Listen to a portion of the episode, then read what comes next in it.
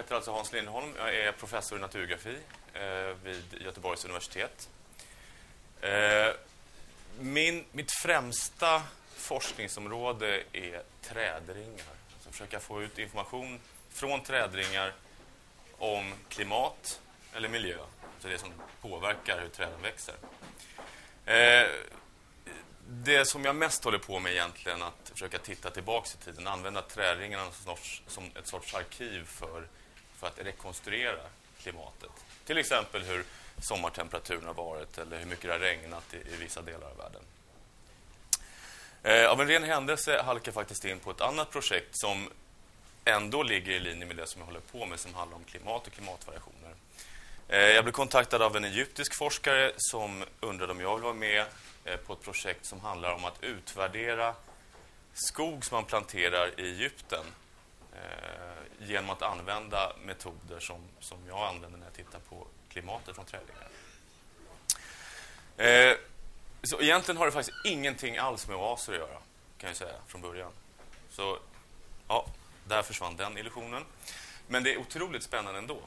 Och för att, för, för att ni ska förstå hur spännande det är så tänkte jag skulle visa lite på, på den här jordgloben eh, vad det är det handlar om.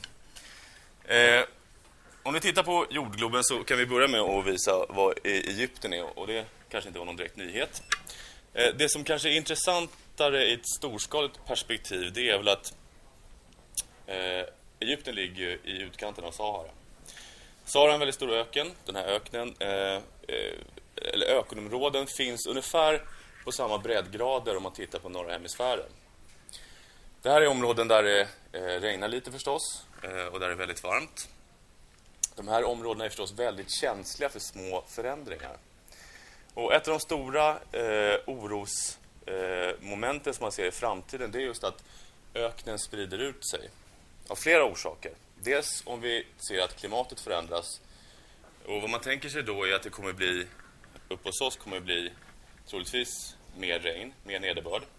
Medan i alltså, de här redan torra områdena så kommer det bli ännu torrare.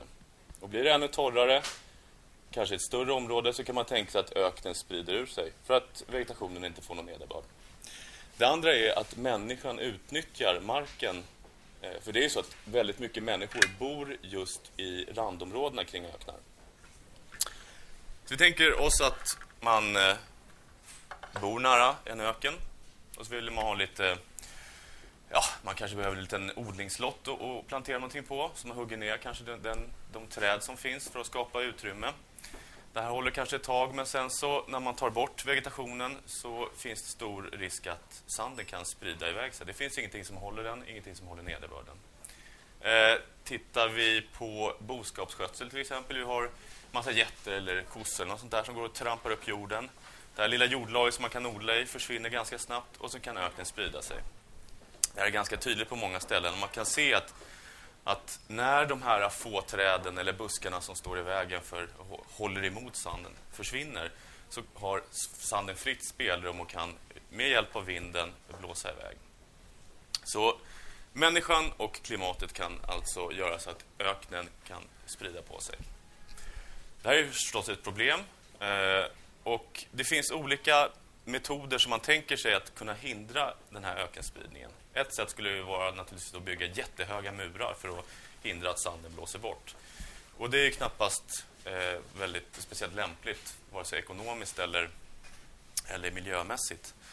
Eh, men om man skulle på något sätt kunna plantera skog, träd som, som håller emot det här, så skulle man kunna eh, kanske förhindra detta.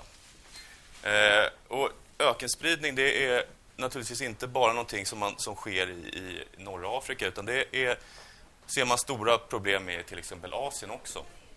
Så här är ett potentiellt stort problem. Nå, eh, Egypten är ett av världens absolut torraste länder. För er som har varit där så, så vet ni att där det finns vegetation, det är precis i Nildalen och i Nildeltat. I övrigt är det knastertorrt. Det är jätteöken. Eh, för ungefär tio år sedan så, så tog man ett initiativ att starta upp projekt där man tänkte att man skulle försöka på något sätt plantera skog, försöka driva upp skog utan att använda resursen från Nilen, alltså det vattnet som finns tillgängligt, till så stor utsträckning. Eh, eh man satsade ner pengar och det var många utländska intressenter som kom och hjälpte till. Man planterade skog och för att bevattna den här skogen så tog man ett nytt och lite djärvt grepp att man använde avloppsvatten. Så istället för att, för att ta vatten från Nilen, eh, som naturligtvis är väldigt hårt belastat redan som det är. Eh, Nilen, det vatten som finns i Nilen utnyttjas ju för, för de odlingar som finns precis i angränsande områden men så gör man även kanaler för att ta bort det längre bort in i öknen. Eh, det här är inte speciellt hållbart. Men kan man använda vatten som, som redan är borta från Nilen på något sätt? Det är snarare att man, man bara häller, tillbaka, häller ut det i öknen eller låter det smutsigt vatten komma in i Nilen. Eh, så tänkte man sig att man kunde rena vattnet lite grann. Och sen så bevattna träd och se hur det fungerar. Så för ungefär tio år sedan så startade man olika projekt. Eh, och sen har det inte hänt speciellt mycket. Eh, så i våras så åkte jag ner till Egypten tillsammans med den här kollegan som i och för sig förstås var där eftersom han är från Egypten. Eh, vi åkte runt och tittade på ett antal såna här eh, skogar. Eh, och då visade det sig att eh, från att ha börjat frejdigt med att plantera massa olika trädslag för att se hur de växer och så vidare så hade man inte gjort speciellt mycket sen. Och som jag sa var många av de här initiativen i eh, samarbete med andra länder. Så det fanns den eh, egyptisk-kinesiska skogen och den egyptisk-libanesiska skogen och så vidare. Eh, så det kom utländska pengar, de skyfflade in en hel del pengar och sen så planterar man de här och sen så har man kanske inte gjort så mycket åt det här efteråt. Vi gick i alla fall runt och tittade på de här skogarna eh, och där använder man alltså avloppsvatten och i vissa fall så har man ordentlig rening av de här eh, avloppsvattnet. Eh, som man, ungefär som, som vi renar vatten idag.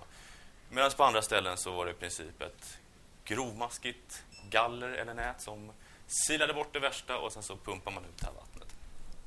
Eh, de här skogarna var i väldigt torra områden och man såg att beroende på vilken sorts eh, bevattning man hade men också beroende på vilka trädslag och vilken sorts öken det var så kunde man få väldigt olika resultat. Och det vi kunde se på en gång var att vissa träd är väldigt bra lämpade för det här. Vi kunde se eukalyptusträd som eh, på tio år hade vuxit upp till ja, 20 meter. Och det som är så bra när träden får börja växa eh, och de fäller löv och så vidare, att de bildar ett eget litet ekosystem så mellan de här träden som står och skuggar solen och, och eh, gör att det blir inte lika stor instrålning av solen. Där börjar det växa små gräs, buskar och så vidare. Så att på något sätt så kunde man alltså generera ett helt ekosystem från en öken genom att plantera och bevattna och hålla ordning. Eh, och det här var ju väldigt intressant. Eh, och vårt uppdrag nu är egentligen att se till att få den egyptiska regeringen först och främst att förstå att det här är en ganska smart grej. För det är så att i Kairo är det alldeles för mycket människor som bor. Man får helt enkelt inte plats. Så man har redan börjat bygga nya städer en bit bort ifrån Kairo. Och de här ligger en bit ute i öknen och där finns ingenting. Och för att hålla inne eller hålla sanden borta och skapa en dräglig miljö så är det väldigt viktigt att man planterar någon form av skog. Så att kan vi få dem att förstå att det här är en väldigt bra idé. Plus att de kan ju använda de här äh, skogarna till att eh, ta ut virke till exempel. Eh, I Egypten så grillar man mycket mat. Kan man då använda virket som man gallrar ut och göra träkol av så har man ju en vinst av det. Man har mycket prydnadsväxter som man kan driva upp i den här miljön. Man skulle alltså kunna vinna både de här barriärerna mot öknen, man skulle kunna vinna eh, virke, alltså få pengar genom att sälja av det som finns i skogarna. Och så finns en tredje, en väldigt viktig faktor. Träd binder ju kol. Ju fler träd man har, desto mer koldioxid kan man alltså plocka ut från atmosfären.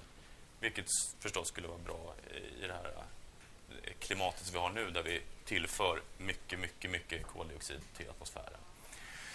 Så kan vi få till skogar på, stor, eh, på, på större yta än de provskogar vi tittar på så finns det väldigt många vinster för den enskilde människan då, som kan tjäna lite pengar men också för miljön.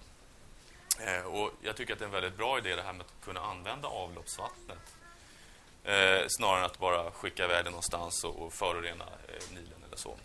Och det här är någonting som man kan applicera på många andra ställen där man just har de här ökenspridnings... Eh, eh, Eh, oro, orosmomentet som, som står för dörren. Eh, en annan sak som också kan tillägga, som är någonting som vi tittar på, det är att har man mycket träd som står och växer så skapar de, genom att de dunstar av, eh, vattenånga vilket faktiskt gör att man kyler av området.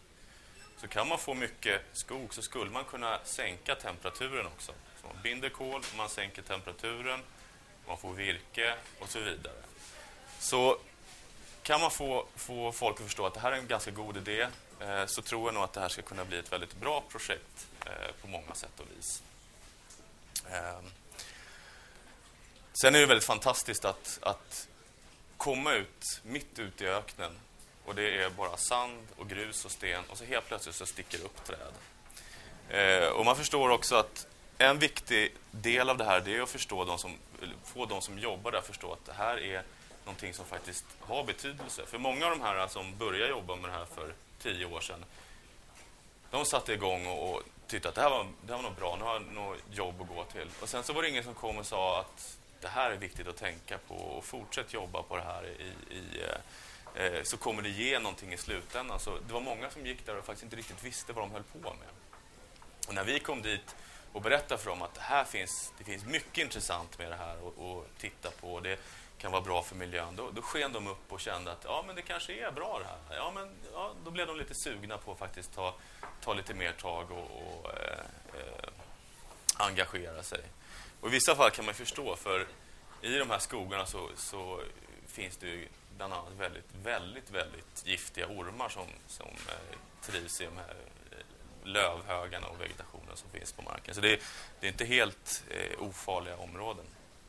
Eh, men hur som helst, eh, så även om det inte är oaser så är det konstgjorda skogar som, som kan bidra till den lokala miljön men kanske också vara en liten, liten del i att se till att, att det här klimathotet inte blir lika allvarligt som, som man tänkt sig i framtiden.